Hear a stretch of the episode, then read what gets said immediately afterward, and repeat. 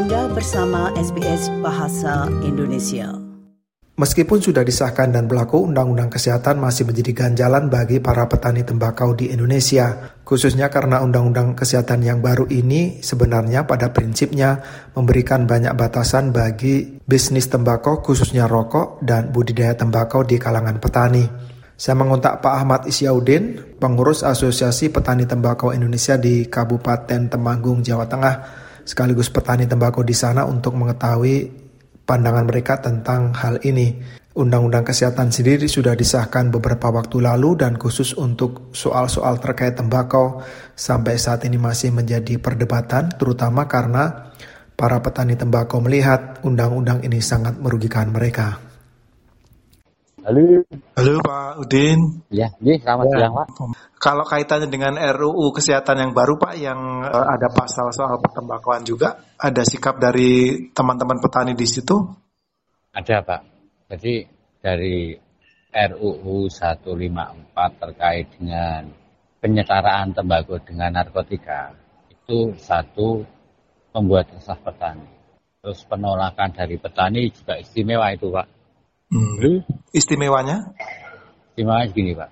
Dari penyataan tembakau dengan narkotik itu sama juga dengan membunuh petani. Ini kan kalau sudah narkotik, ininya barang sudah ilegal. Padahal hmm. tembakau itu kan barang legal. Selama ini belum pernah diajak untuk berbicara soal ini ya Pak dulu? Belum pernah ada Pak dari petani itu hanya dengarnya untuk dari awal kenaikan cukai sampai rancangan undang-undang ini petani belum pernah diajak berembuk.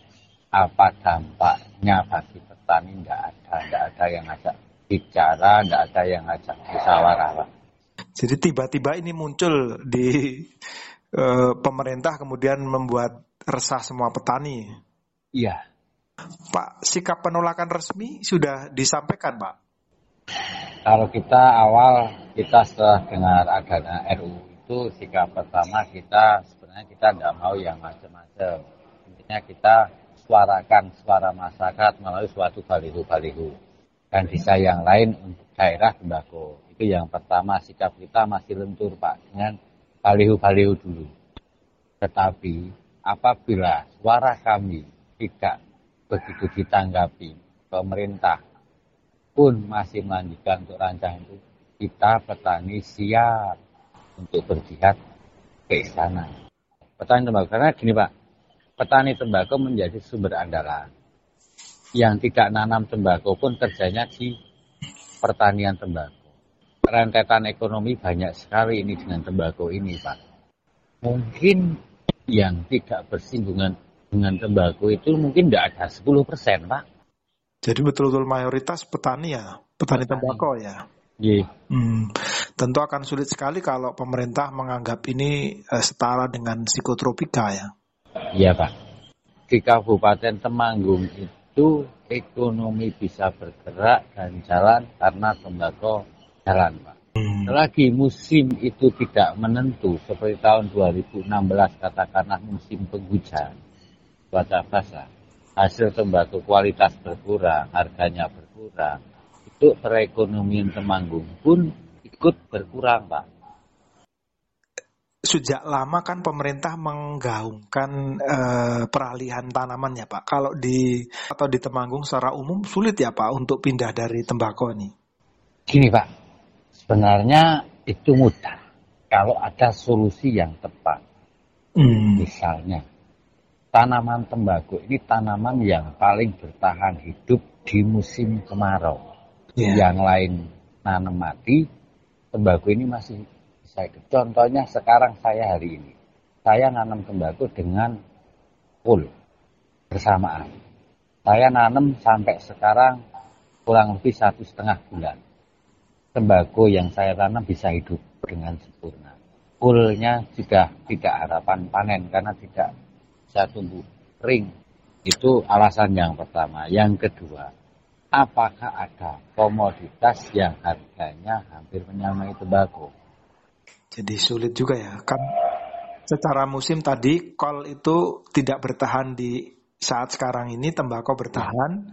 di sisi lain tembakau ini harganya bagus bagi petani begitu ya. Betul. Terus penggunaan pestisida di tembakau itu bisa dihitung. Kita menggunakan pestisida, khususnya insek, itu pada awal tanam sekali. Tidak hmm. ada tanaman tembakau ini di suatu ada tulisan di suatu organisasi yang anti tembakau. Pada penggunaan tem pestisida di tembakau tinggi itu omong kosong. Yang benar penggunaan pestisida di tembakau bisa dikontrol. Petani hanya menggunakan sekali pas masa tanam. Para pendengar Pak Ahmad Isyaudin, pengurus Asosiasi Petani Tembakau di Kabupaten Temanggung, Jawa Tengah, berbicara tentang undang-undang kesehatan yang baru disahkan dan dampaknya bagi mereka, termasuk berbagai isu yang tidak pernah lekang di sektor pertembakauan. Tembakau adalah salah satu komoditas yang menghasilkan cukup banyak uang bagi pemerintah di Indonesia, tetapi terus memperoleh gangguan, terutama dari para aktivis kesehatan. Terima kasih dan sampai jumpa kembali. Sukai, berbagi, komentar. Ikuti SBS program Bahasa Indonesia di Facebook.